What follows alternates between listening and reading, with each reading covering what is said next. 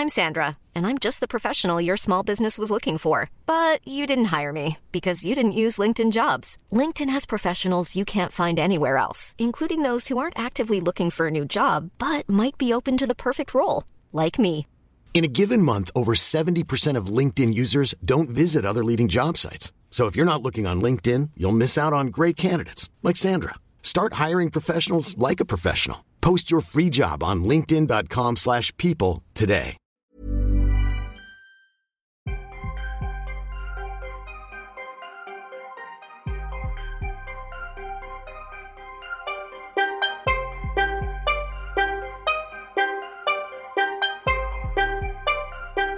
Historieinteressen ble tidlig vekt hos meg. Og allerede som ung så fikk jeg lov å reise til Vårntresk for å jobbe på et eh, gårdsbruk der som heter Setermoen. Og eh, der var både fisk og landbruk veldig viktige næringer. Vi skal nå ta og se litt på det som antageligvis har vært den største naturkatastrofen som mennesker har klart å, skapt i etterkrigstida. Og var dette egentlig en følge av det politikerne i Oslo kaller for Nord-Norges-problemet?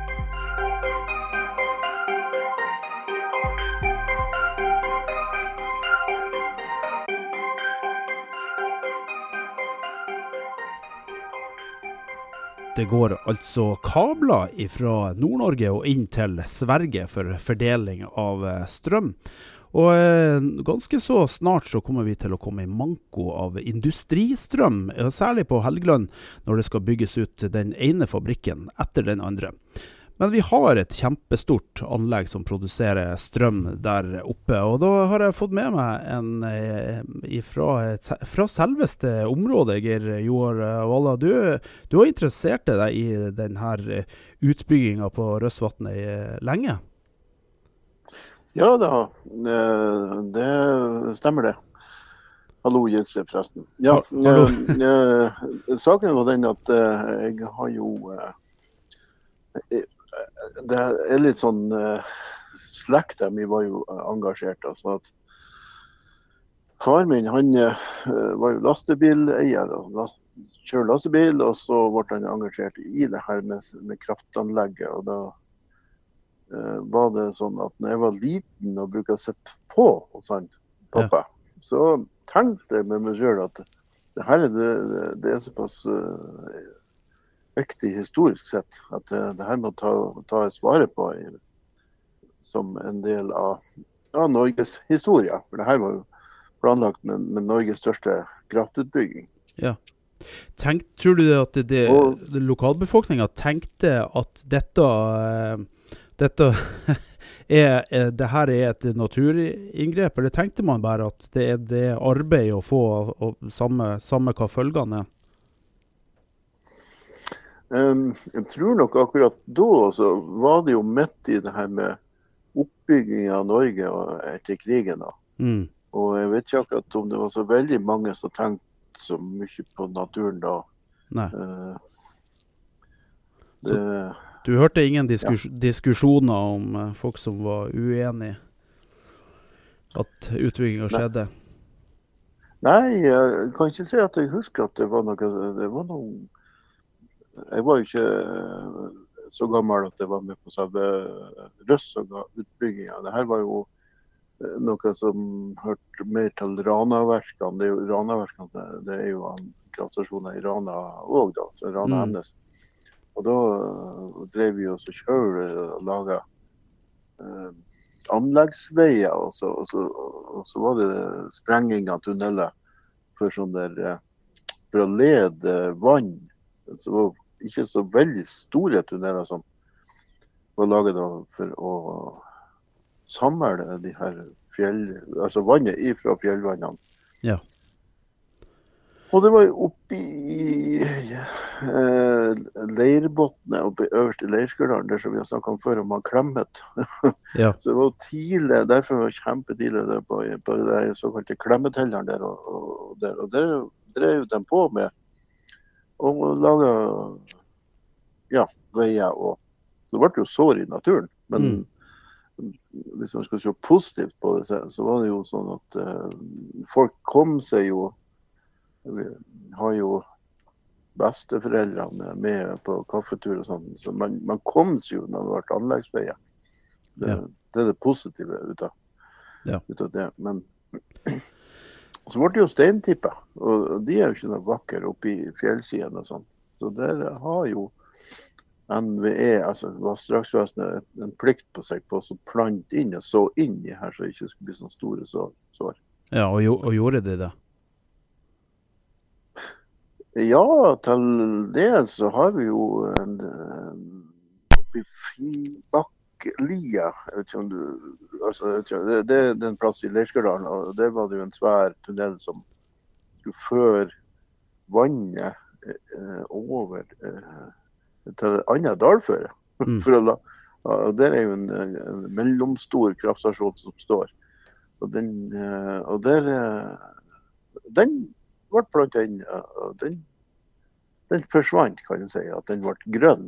Ja, Riktig. Du, Men det er jo noen som altså, Ja. Eh, Russvatnet er jo nå eh, faktisk Norges nest største innsjø når det er oppdemma. Det forteller jo litt om hvor svært det her er. Det er et, eh, det er vel Norges største vannmagasin, egentlig, hvis man, hvis man ser på eh, anlegget samla sett. Men det har jo vært Vi vet jo nå at det har vært eh, folk der i tusenvis av år. Hva hva som gjorde at folk bosatte seg så langt ifra havet som det faktisk er? Ja, saken var den at um, nå har jeg jo jobba i Helgeheim museum eh, og var leder for Hemnes museum her da. Så jeg, jeg har jo vært inne på eh, med noen professorer, eh, arkeologer fra Vitenskapsmuseet i Trondheim som eh, drev med utgravninger i Røsvassområdet. Så jeg var så heldig at jeg fikk være med på noen utgravninger der. Eller utgravninger, det var mer sånn overflatesøk på, på, på strendene og sånn. Mm. Og da eh, var det eh, Det kan jo si om det er, om det er rett, det tør jeg ikke påstå akkurat, men du har jo der, eh, hva, røssvatnet betyr. Og da var det en teori i hvert fall at det var handel At det har noe med russ, russ, russerne å gjøre, altså Russland. At det kom, for at det kom eh, en vei eller en vandringsrute på Nord-Røsvatnet, nordøst, altså mot grensen til Sverige.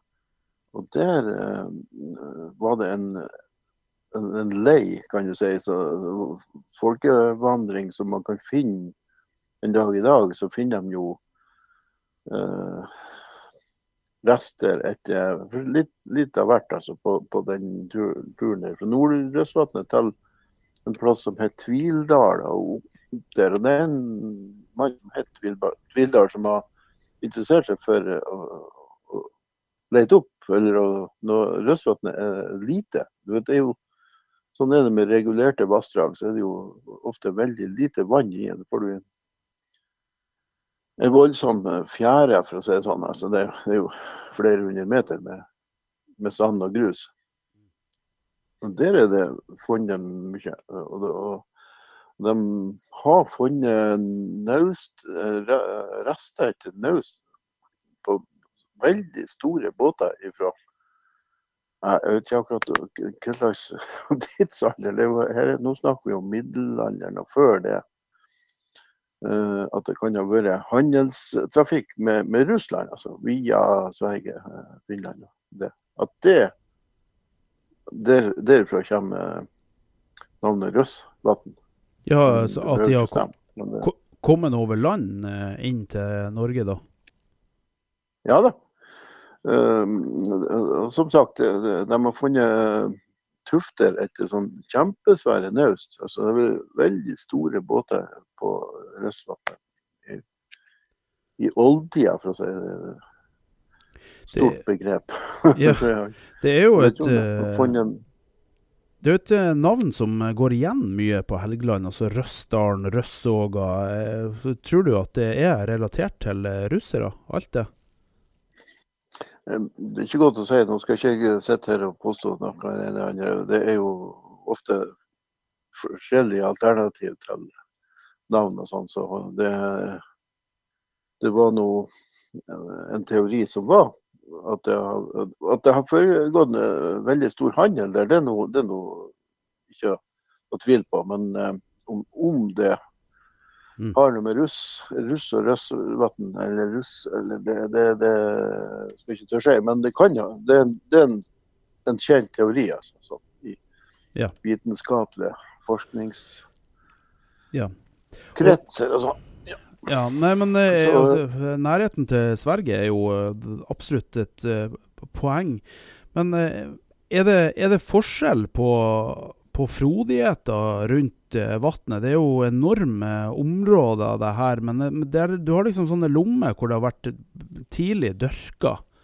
er det en grunn til at det, det er forskjell? Nei, altså det, det som er det at du har jo den det store Okstinnmassivet med den, den, store breen der. da. Og, og, det er klart at eh, sånn som Når man går opp i fjellene der, så, så ser man jo at her det blir jo veldig goldt. Eh, Okstinnene, eh, Okskoltene, det er jo Nord-Norges høyeste fjell som ligger der. Og så har du de her andre, andre tinnene. Så du har et okstinnmassiv som er ganske formidabelt. svært. Altså, de har den breen som er stor fremdeles, som er flere hundre meter tjukk. Så vi får håpe han ikke smelter så fort. Så kan det være det at, uh, at du har frodige plasser der uh, ifra nord det, det, er jo gårdsdrift og Nordøstvatnet og, og sørover så har du jo det som ligger i Hattfjelldal kommune da, med Varntresk og de der. Og der var jo veldig store åkre og, og gårder. Uh, så det var frodig. Ja. Så det, det, kan være det at, uh, at, du har Du vil jo få en kald et kaldras ned fra Okstinnbreen på Ja, det blir mot uh, nord øst, så er det ikke så mer goldt. Nei. Hva betyr goldt?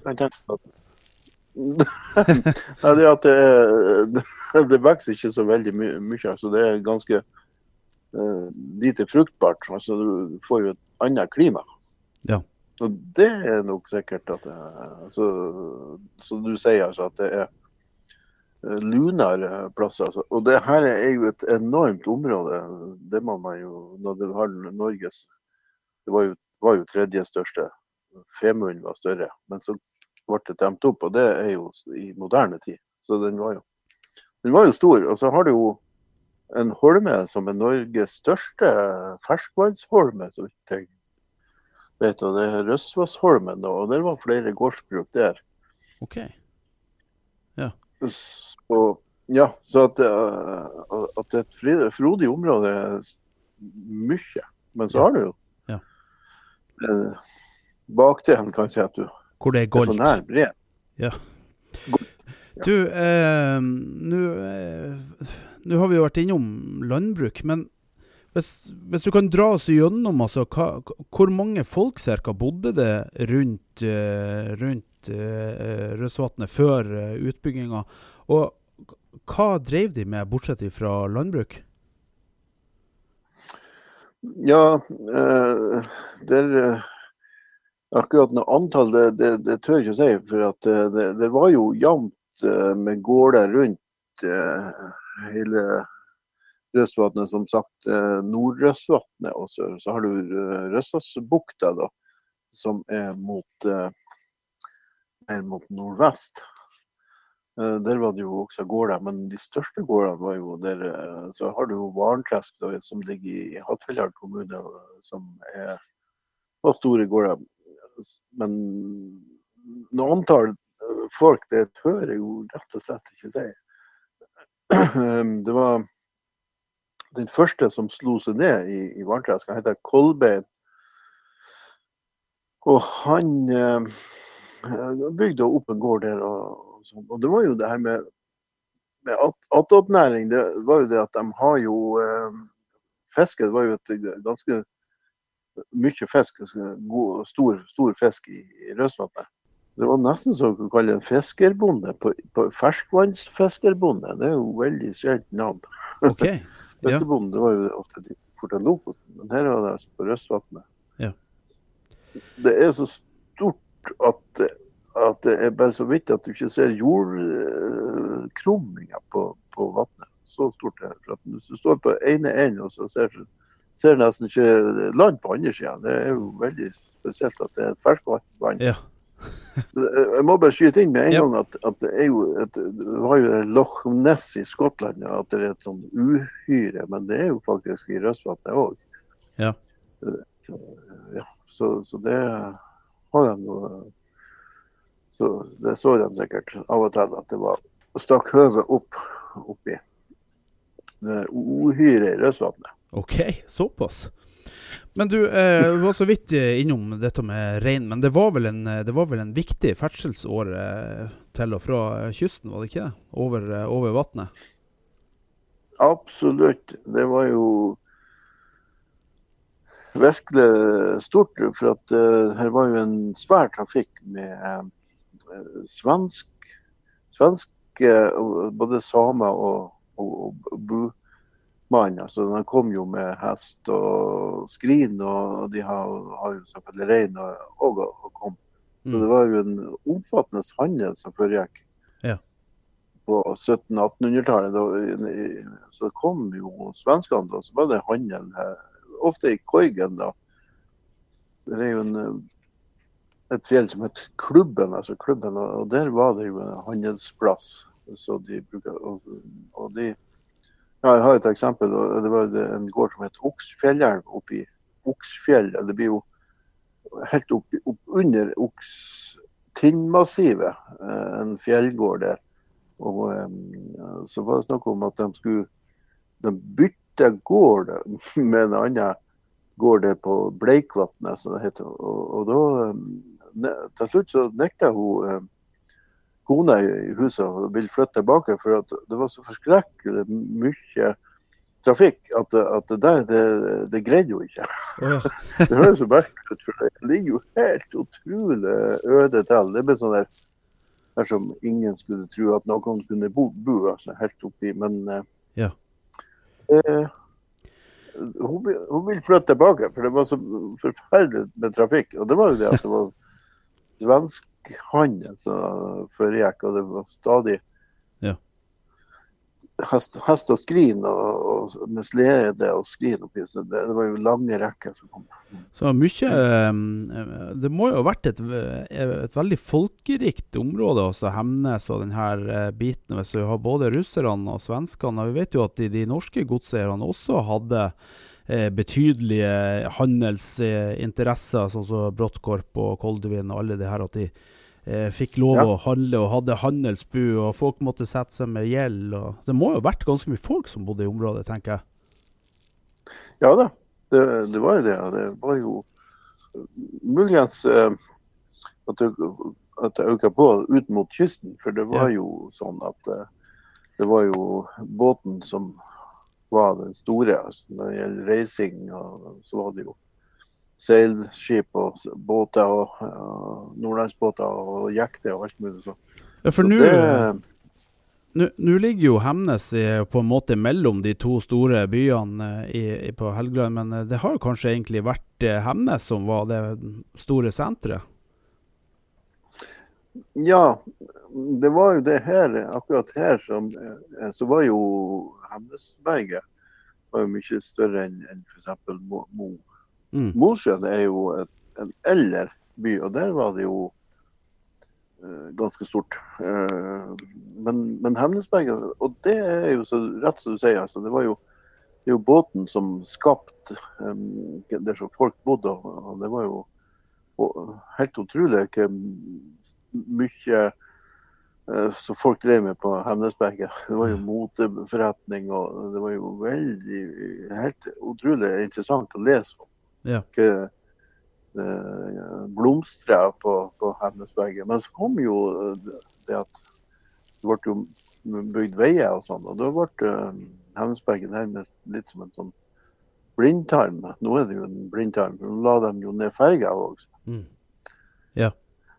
Men du, det er ei næring som vi eh, ikke har snakka om, og som eh, også har vært en viktig del av samfunnet rundt Røsvatnet.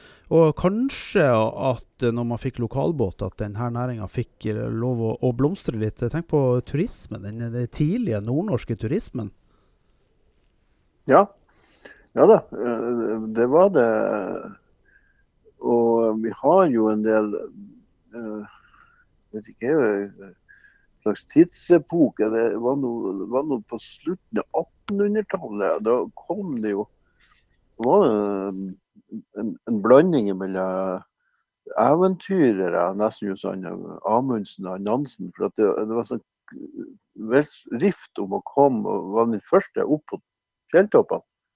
Og da har vi jo en, en en, eh, ikke akkurat stor, men det var noen uh, viss turisme. Både Okstindene og Okstindmassivet der. Både med turister og, og, geologer og glasiologer som var. Og så har vi jo uh, området Svartisen og, og oppe i Rauvasdalen.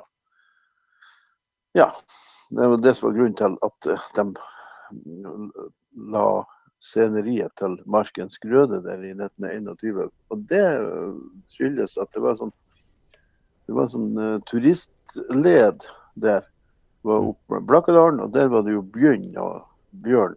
Oh, ja. altså sånn, og villdyr og sånn. Og så var det jo den svære svartis, svartisen som brant. Mm.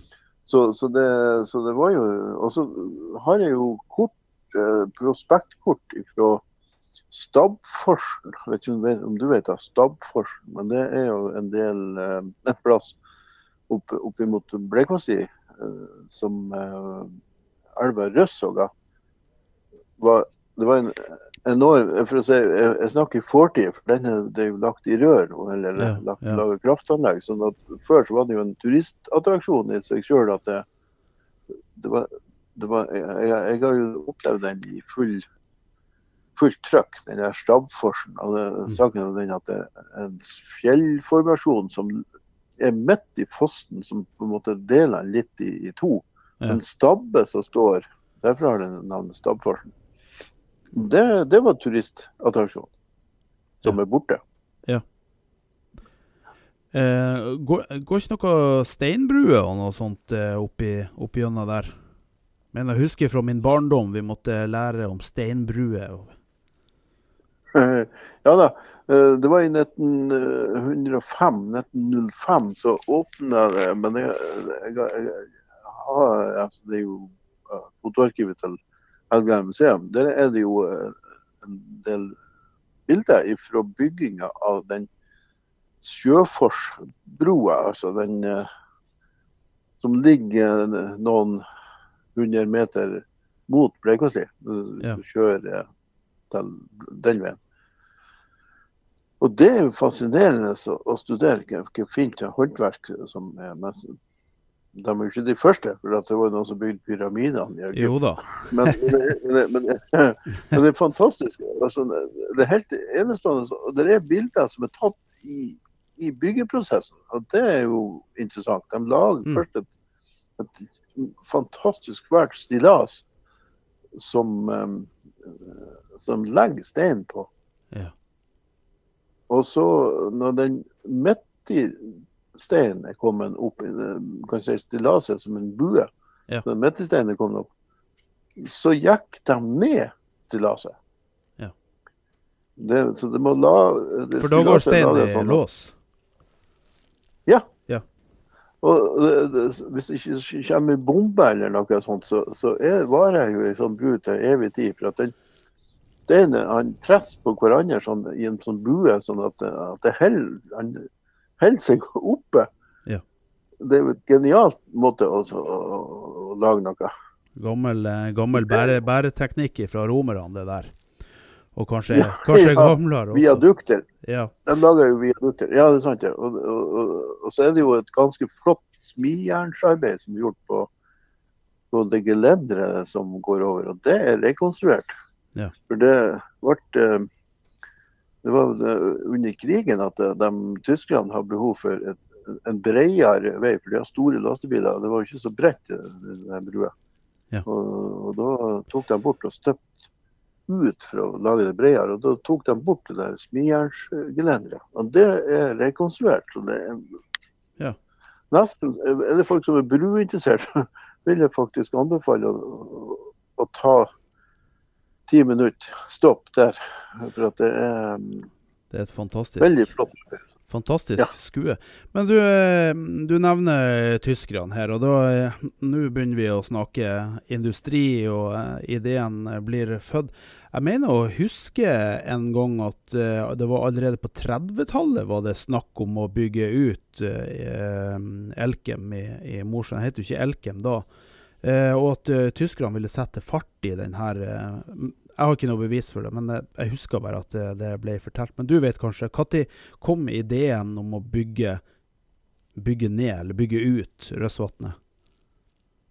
Ja, nå, nå tenker du på aluminiumsverket i Mosjøen, kanskje? Ja, ja.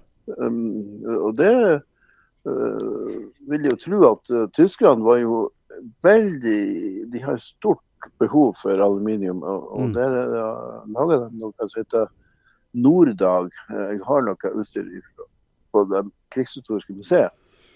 Er, det heter Nordag. altså Det er jo en forkortelse på norsk aluminiums AG, altså aksjeeierselskap. Det var en Gør Gøring, Og, eh, Gøring som starta det, var ikke det? Ja, altså det, det var jo Luftwaffe. Det var jo fly, flydeler som Ja. måtte være lett. Ja. Så Derfor så var, var det et skrikende behov for uh, aluminium. Så, så det er, um, når man ser bilder av tyske fly, så er det jo ofte norsk aluminium som er brukt. Ja. Men uh, når du snakker om uh, og, sånn, så var det jo uh, faktisk i 1947, som jeg var i ferd med å snakke om i stad. det var det at Da vedtok Stortinget at det skulle anlegges et jernverk i, på Mo i, Mo i Rana. Mm. Eh, men saken er den at, at eh, jeg har en gammelonkel som eh, bygde en bygård i, på Mo. Eh, som, og det var jo, den ble ferdig i 39. Og det heter i hvert fall at han eh, at han har hørt at det skulle bli et jernverk på Mo. Derfor så fant han ut at han skulle bygge så kan si, tidlig ute med å lage et bygård. Ja. For å leie ut leiligheter til eh, arbeiderne. Så det, så det må ha vært kjent eh, før krigen at, at det var tenkt på det der. Og så har vi han for å, Nå skal jeg ikke spore av, men jeg holder meg på samme, samme tema. men det er han, Hans Nilsen Hauge. Hans Nilsen Hauge, Det har faktisk Ja. vært snakk om noe i det siste. Ja. Han var jo en fantastisk eh, mann og har mange ideer. Og han, når han kom til Mo og så Granelva og det her eh, plassen, så sa han her er stedet for et jernverk. Og det var jo før de kom på tanken og, og smelte eh, jernet på den måten. Det var det jo myrjern på den tida han for rundt, ja. Først på 1800-tallet. Ja. Så det var helt overraskende at han, han kunne si at her er stedet for et jernverk. Okay. Det må jeg si det var. Men han var en framsynt mann, og han starta masse industrier i Norge. eh, Uten at vi skal spåre av det. Nei. Ja. Men i hvert fall så var det i 1947 så ble det bestemt at uh, pga. oppbygginga av Norge etter krigen, så um, fant de ut at, at AS Norsk Jernverk skulle bygges på Mo. Og da var det jo det her med Det er jo kraftkrevende industri med ovner uh, som, som krever veldig med strøm og sånn. Og da var det meningen at det skulle være kraft fra uh, Glomfjord kraftverk. Ok. Men eh, for eh, siden jeg holder på med det vannteknologi-vitensenteret i Korgen, så, så har jeg studert alle sånne ting. Og det, eh, det som er, det at eh, de regner på det, der med, med For du har en visst tap i masten Nei, ikke i masten, men, men når det er kraftkabler som går veldig lange strekk, så får du et stort tap. Ja. du, du taper jo litt per meter. altså sånn. Ja. Og da øh, fant de ut at nei, det, det gikk ikke an å, å ha øh, kraft høyspentmaster. høyspentmaste. altså Det var så for mye tap fra Glomfjorden. Så begynte de å se seg om et, øh, en annen måte å lage kraft. For her har vi jo Bjerka kraftverk, men det var jo bare et I dag var det regna som et småkraftverk. og det leverte jo strøm, likestrøm til eh, Hemnes og Korgen, eller om, området her. da. Det var jo litt større enn et av de små kraftverkene som mange bønder spleiser på. Det var jo Mm. mange sånne små kraftverk da. Det var jo et eh, kraftverk i Elsfjorden også, oppe i Gås, Gåskjønna. Ja, ja, ja. Det var fullt av Oppi gjennom så er det eh, ja, tre-fire som jeg kjenner til. Altså, så, Så det var, det var, var på 30-20-30-tallet så, så begynte de å bygge ut uh, for å ha egen strøm. Altså, sånn. Ja, ja. Så det er ikke mange som vet at det var så forskrekkelig. I Elsfjorden var det jo veldig mange, både her og der. Så, Ja. og, og, og ellers òg var det jo sikkert mange som hadde det. Og, og da var det satte de seg ned, de her ingeniørene og planleggerne og sånn, og så begynte de å tenke på aha, vi har jo Røssøga som er veldig uh, mye vann, altså vannførende elv. Og da ble det en eh, Det laga en film om det her. Den, den, eh, den skulle du nesten ha vist på på Radio Nord-Norge på, på, på nettsiden eller Ja. Facebook-siden. For den er veldig artig. Jeg synes den er kjempeartig. Den heter 'Veien framover'. Og den ja. har noe med eh, Den dramatisert om hele det her kraftutbygginga her. Mm. Eh, så er det en NTH-ingeniør utdanna på NTH i Trondheim. og Han eh, kom med fly hit, og han eh, har med seg et flyfotosett. Og så ser du han, han bare streker opp med linjalen. at Her må vi anlegge en kraftstasjon, og her må vi lage tunneler og sånn. og det, det var jo det var jo, De for- forlanga at det skulle være på en 300 000 hestekrefter. Det, her, eh, det var jo Norges største utbygging. Mm. For å, å dekke behovet så måtte det være minimum 300 000 hestekrefter på, på de turbinene der, og det er ikke småtteri. Ja. Så, så um, Jeg har jo lest det der uh, avtalen som uh, Vassdragsvesenet, Norges, altså NVE, Norges vassdrags- og elektrisitetsvesen uh, har. Og det var det jo sånn at eh, pri prioritet én på den der nedre Røssåga kraftstasjon, det skulle være uh, kraft til AS Norsk Jernverk, Mo i Rana, som var det viktigste. Og nummer to, uh, det var elektrifisering av Nordlandsbanen. OK. Og, og så var det tre. Det, det ble jo øh, jeg holdt på å si, innbyggerne, eller de resten av industrien og sånt. Men, men, øh, men øh, i år så fant jeg ut at vi feirer 75-årsjubileum at staten er treg. OK. Ja. For det, det, det- det var altså i, i 47 at de mente at her var det på tide å elektrifisere Nordlandsbanen. Mm. Det var, var Tyskerne var, de var jo ikke kommet så mye langt opp i, opp i Saltdalen da. Det var helt før i 63 de kom til Bodø med Nordlandsbanen. Ja.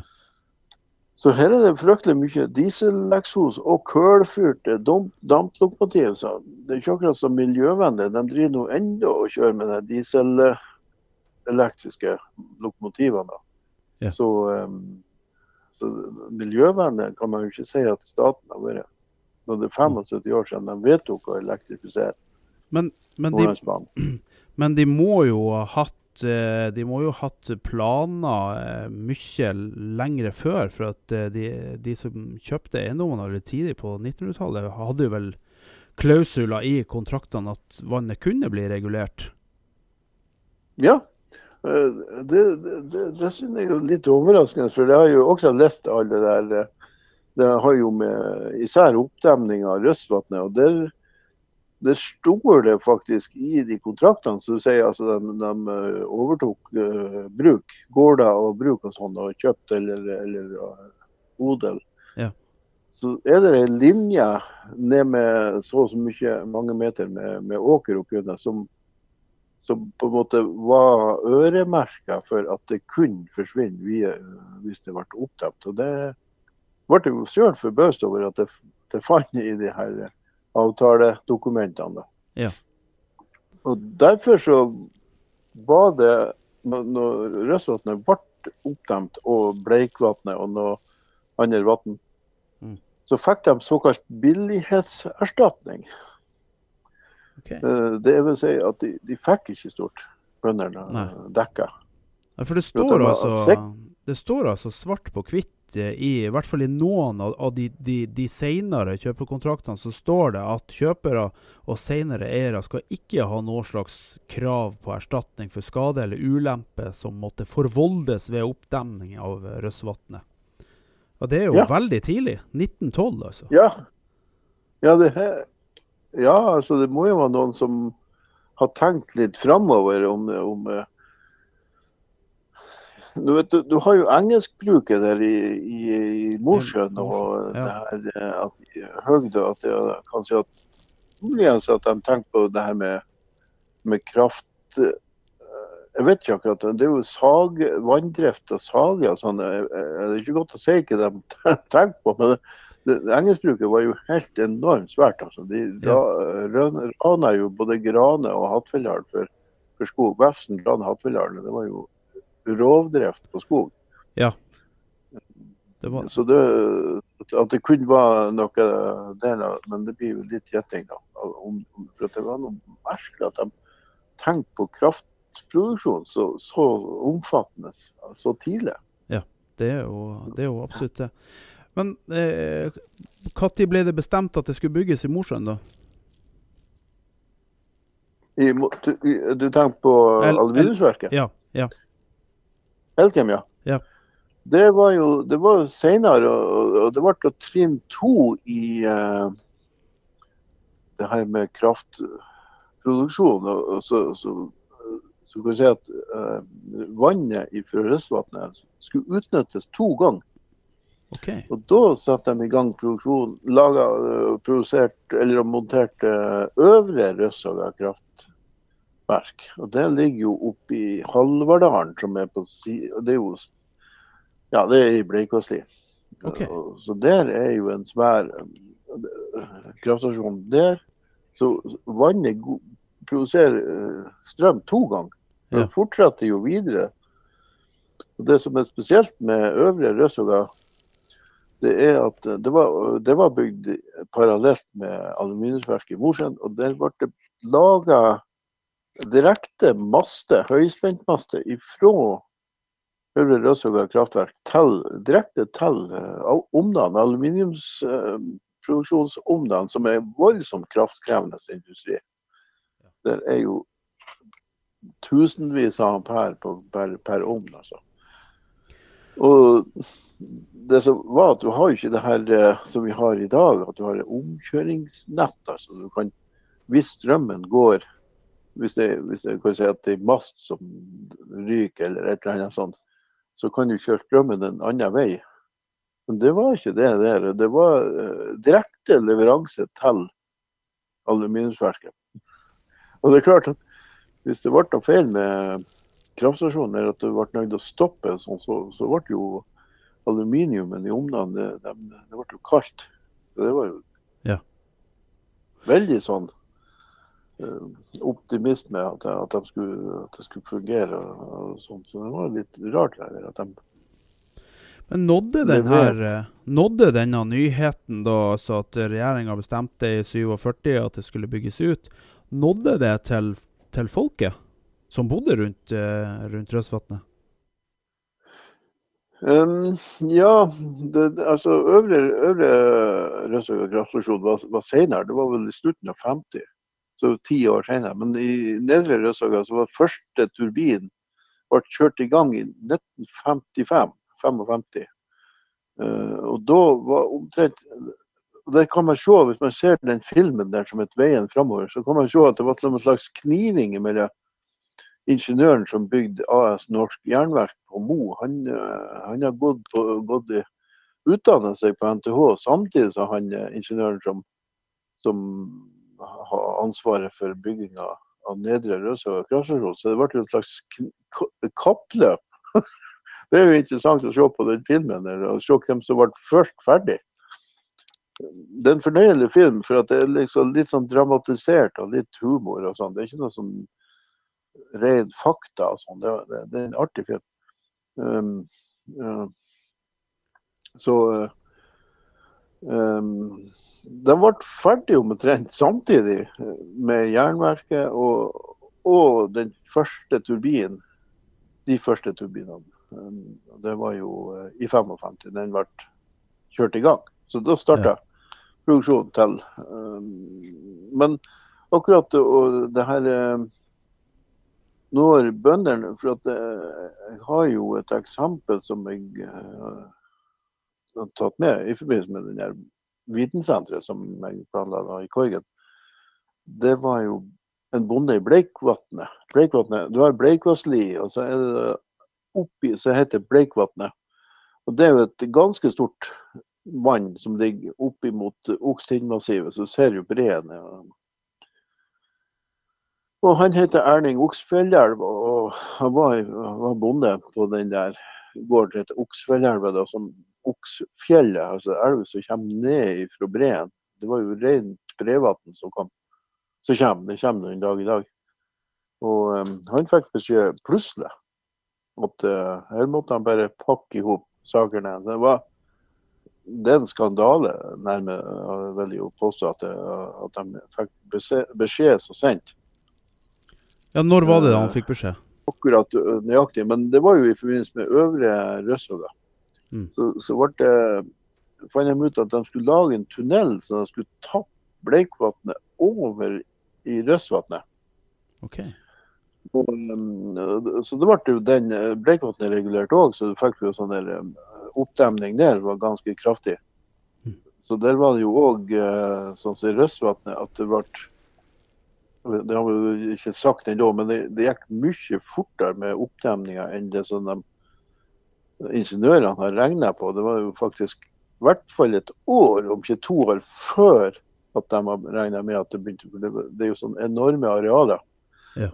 Og da, da steg det så fort at, at de greide ikke å, å, si, å, få med seg husene. Det, det, var jo, det var jo hus som ble oversvømt der. Mm. Hvis man skulle ta eksempelet med han Erling, så var det jo um, at han uh, fikk jo beskjed om å, å rive husene og, så, og, og, på en måte komme seg vekk. Og han var jo veldig sånn heimkjær og sånn, og, og trives godt i, på gården sin. Og.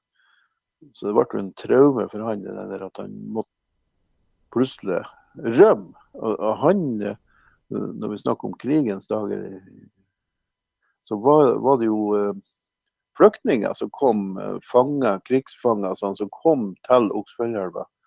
Og han Erling måtte lede dem videre til Sverige. Men at han sjøl skulle bli en flyktning, det har han vel sin villeste fantasi ikke tenkt på. Hadde han bygd for, eh, for nært husene?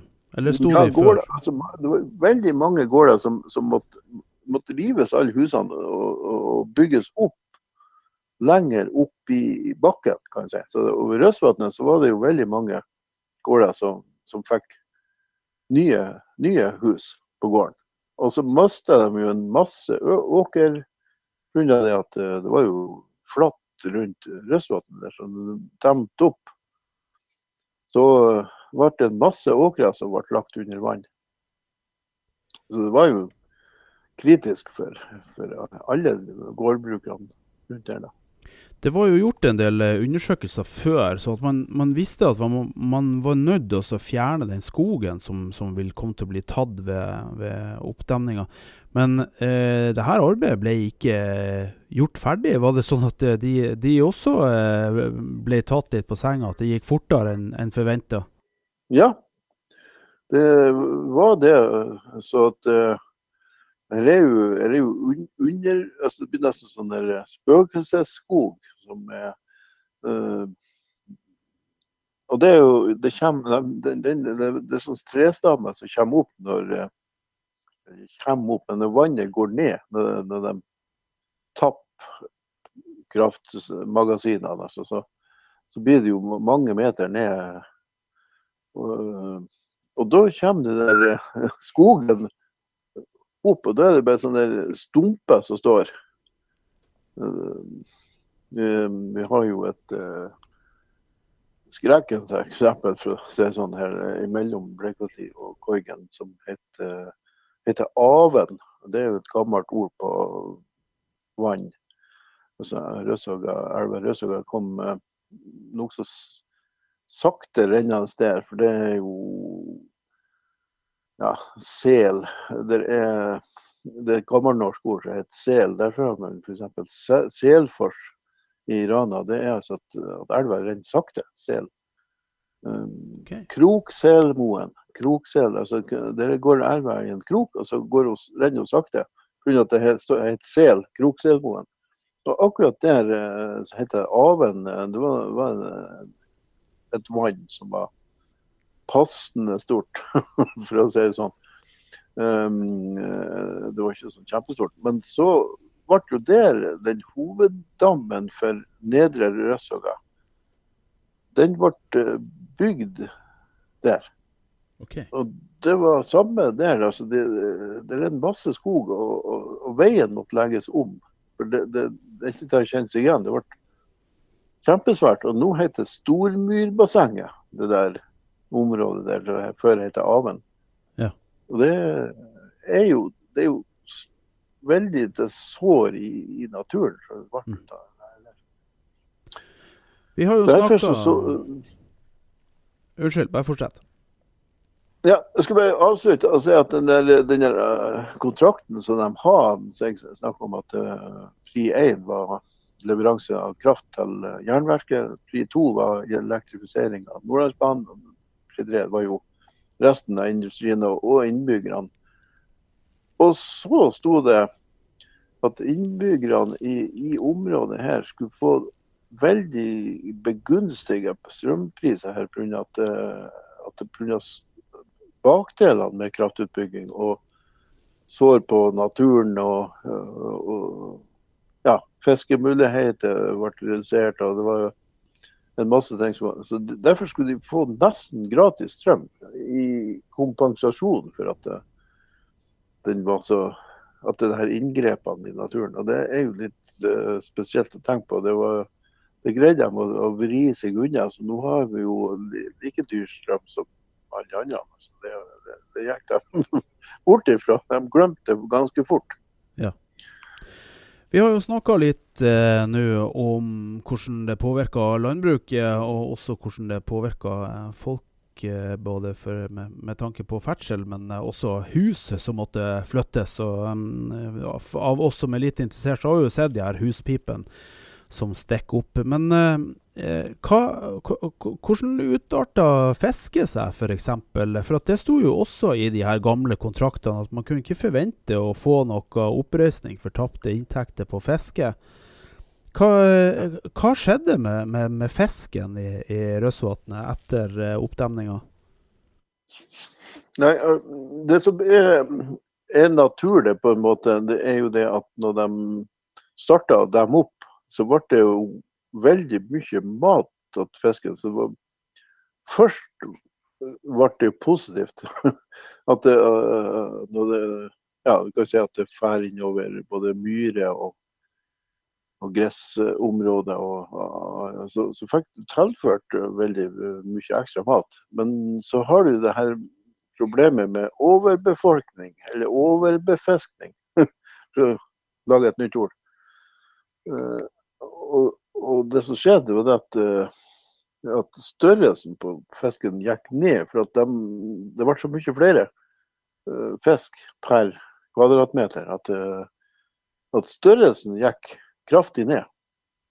Så det ble nærmest ødelagt fiske, for det ble bare sånn loddestørrelse, altså små, småfisk. Men, men det, det, har vært gjort en del tiltak med å, å redusere antall fisk sånn, så, så det, det, har tatt seg opp. Så nå er det jo ganske variert og ganske stor fisk å få. Men til å begynne med så, så ble det ødelagt for de bøndene, bl.a. især de som har noe næringseiendommer og skulle tjene litt på det. Eh, så at, eh, at Derfor så fikk de kompensert. De fikk en sum. Og det er sånn som i Røssaga her. Nå sitter jo jeg og ser det på Det har ikke vært så mørkt. Men Røssaga er redd forbi her. Og, og, og det er faktisk ennå så er det en Men ikke akkurat noe sånn mange hundre kroner. Men det er, det er en erstatningssum som som uh, grunneierne som har uh, grunn mot elva, da. Mm. De får uh, både med, med fiske pga. at det ble, skal, altså det ble mindre fisk å få. Og så har du en annen ting. Det er jo det at når elva går i tunnel, så varmes den jo opp. Så at du fikk et isproblem. altså at det, her er jo ikke is på elva, og det er jo pga. at den er tre-fire grader varmere enn andre elver. Så det blir ikke is på. Før så var det jo eh, eh, veien var mye snarere å, å, å fare med hest og, og slede på, på, isen imellom. Men det ble jo slutt på. Så, så det er òg en erstatning. Og det var og med ute i fjorden her, så er det Eh, iserstatning pga. at det var isflak. Og, eh, så det er en komplisert sak for de som skulle lage til det her eh, erstatningssakene. Så var det vel også et poeng at uh, når, man, når, man, skulle drive med større fisking eller utfisking, at uh, hvis man skulle bruke garn, så, så gikk, røk vel uh, brukene. For da fløt stammer fast inn i garnene. Ja da, jeg har vært med på det sjøl. For vi, vi, har jo laksrett, lakserett, som det heter, altså på, på, eiendommen der som jeg er oppvokst. Og, og, jeg var jo med mange ganger og, og satte garn. Og, og, det gikk ikke av, rett og slett. For det, det var så mye som sies stammer, eller sånn som så, så kom ikke stammer. Altså, stokk, det var jo ikke så ofte. Men du har jo Det ble på en måte helt ødelagt garnet hvis du ikke tok det opp i tide. Så det som var poenget, det var det at du satte garnet like før at det var flo. Så at elva steg sakte under floet, og så måtte fisken helst gå i garnet uh, før det begynte å skulle felle igjen fjære sky. For, for, da måtte vi jo skynde oss å dra opp garnet. Det ble det fikk han en kjempearbeid. Altså, for det var, det var, så mye sånne skrot og saker og ting som la seg i garnet. Geir, vi, eh, vi, nærmer oss, eh, oss eh, våre tilmålte time ganske kjapt. Vi kan jo ta med litt på slutten, før vi skal gå over til siste avsnitt som handler om media. Vi kan jo ta med også dette at ferdselsveiene altså Det ble utrygt å ferdes over veien. og Når, når vannet er så stort som det er, det, tror du det har endra noe i mønsteret? Sånn som hvis du bor i Varntresk, så vil det kanskje være naturlig å fære over vann eh, på sommeren med båt og på vinteren eh, over isen. Men hvis du nå skal fære noen plasser fra Varntresk, eh, da fer du vel neppe til Korgen? Nei da, det ble slutt på, på den ferdselsåret. Det er klart at det, for det som er med regulerte vann, som mange vet, det er jo usikker is. Og det som er det største problemet, det er jo at det kan være bra tjukk is midt på, men så har du jo ut mot kantene, så blir det et problem å, å, å komme seg på isen. Så um, Eh, så på sommeren så er det jo båttrafikk. Men så har du jo på vinteren, da, så har du jo ofte sånn ja, altså den Pga. at reguleringa av, at det går opp og ned, og sånn, så, så, får du en sånn kant nesten som på fjordene. Det var flo og fjære. Flo og fjære, så blir det jo ofte sånn landkald. altså Det blir litt sånn vanskelig å komme seg på, på isen. Der er vel historie om og, at isen ble hengende også, at det var tomrom under? Ja da.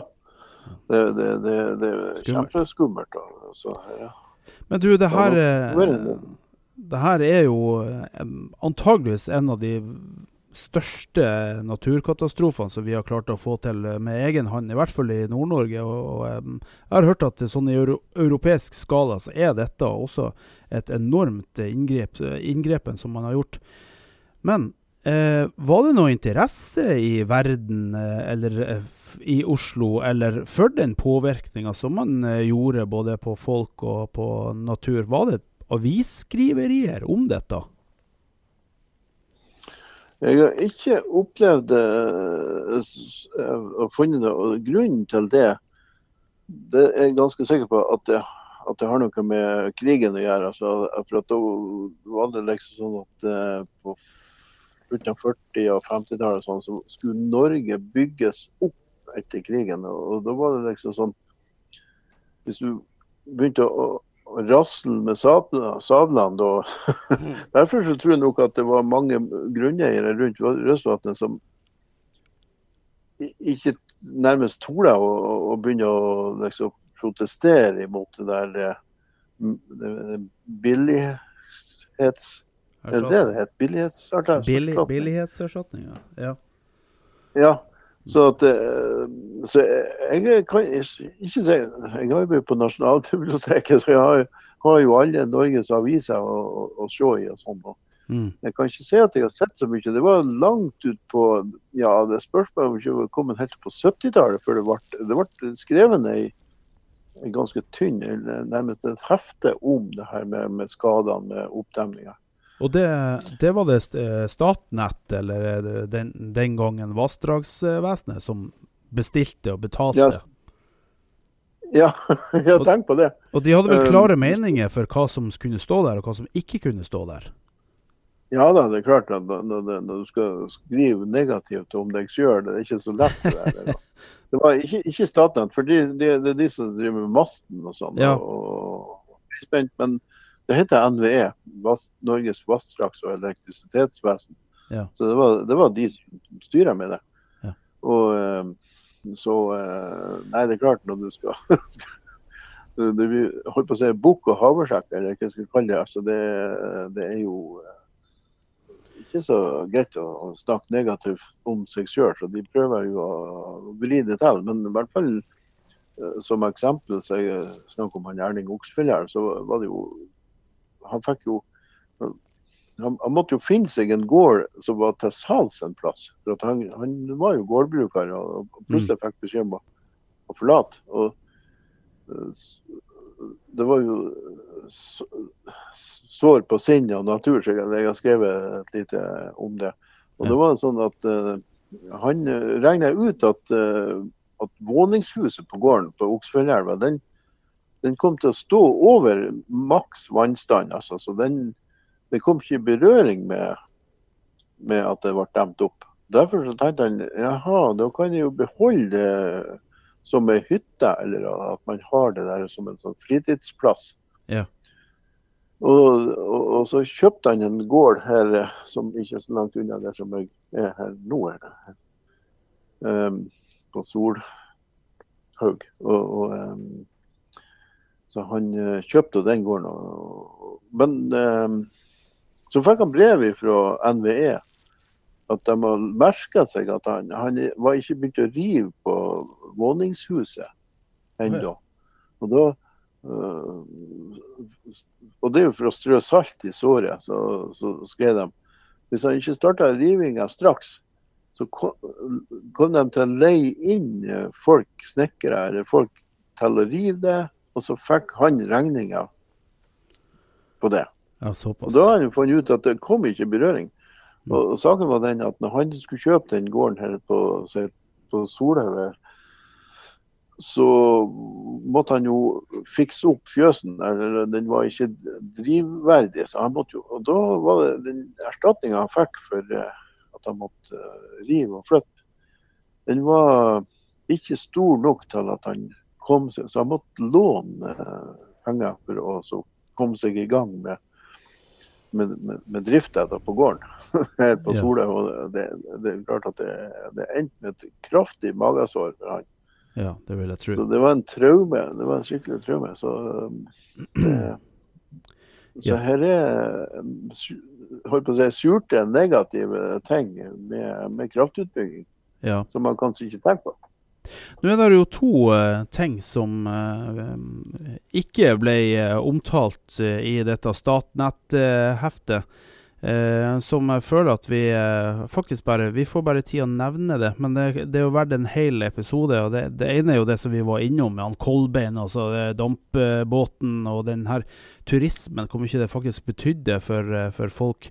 og det andre er jo den påvirkninga det fikk på det samiske skal jo ha vært uh, gått tapt, både uh, runebommer og forskjellige ting. Men alt det der det får vi snakke om en annen gang, for vi må jo fortsette å snakke om følgene av det som de gode Oslo-borgerne kalte for Nord-Norges-problemet. Ja. Du har nå hørt en podkast, Nordnorsk historie, med meg, Jitse, og den er laga for Radio Nord-Norge. En kanal som trenger din støtte for å kunne klare seg videre. Har du telefon, har du VIPS, send oss gjerne en fin, fin hilsen på 52 00 48. Det er ikke så nøye hva du gjør, så lenge du gir. Tusen takk.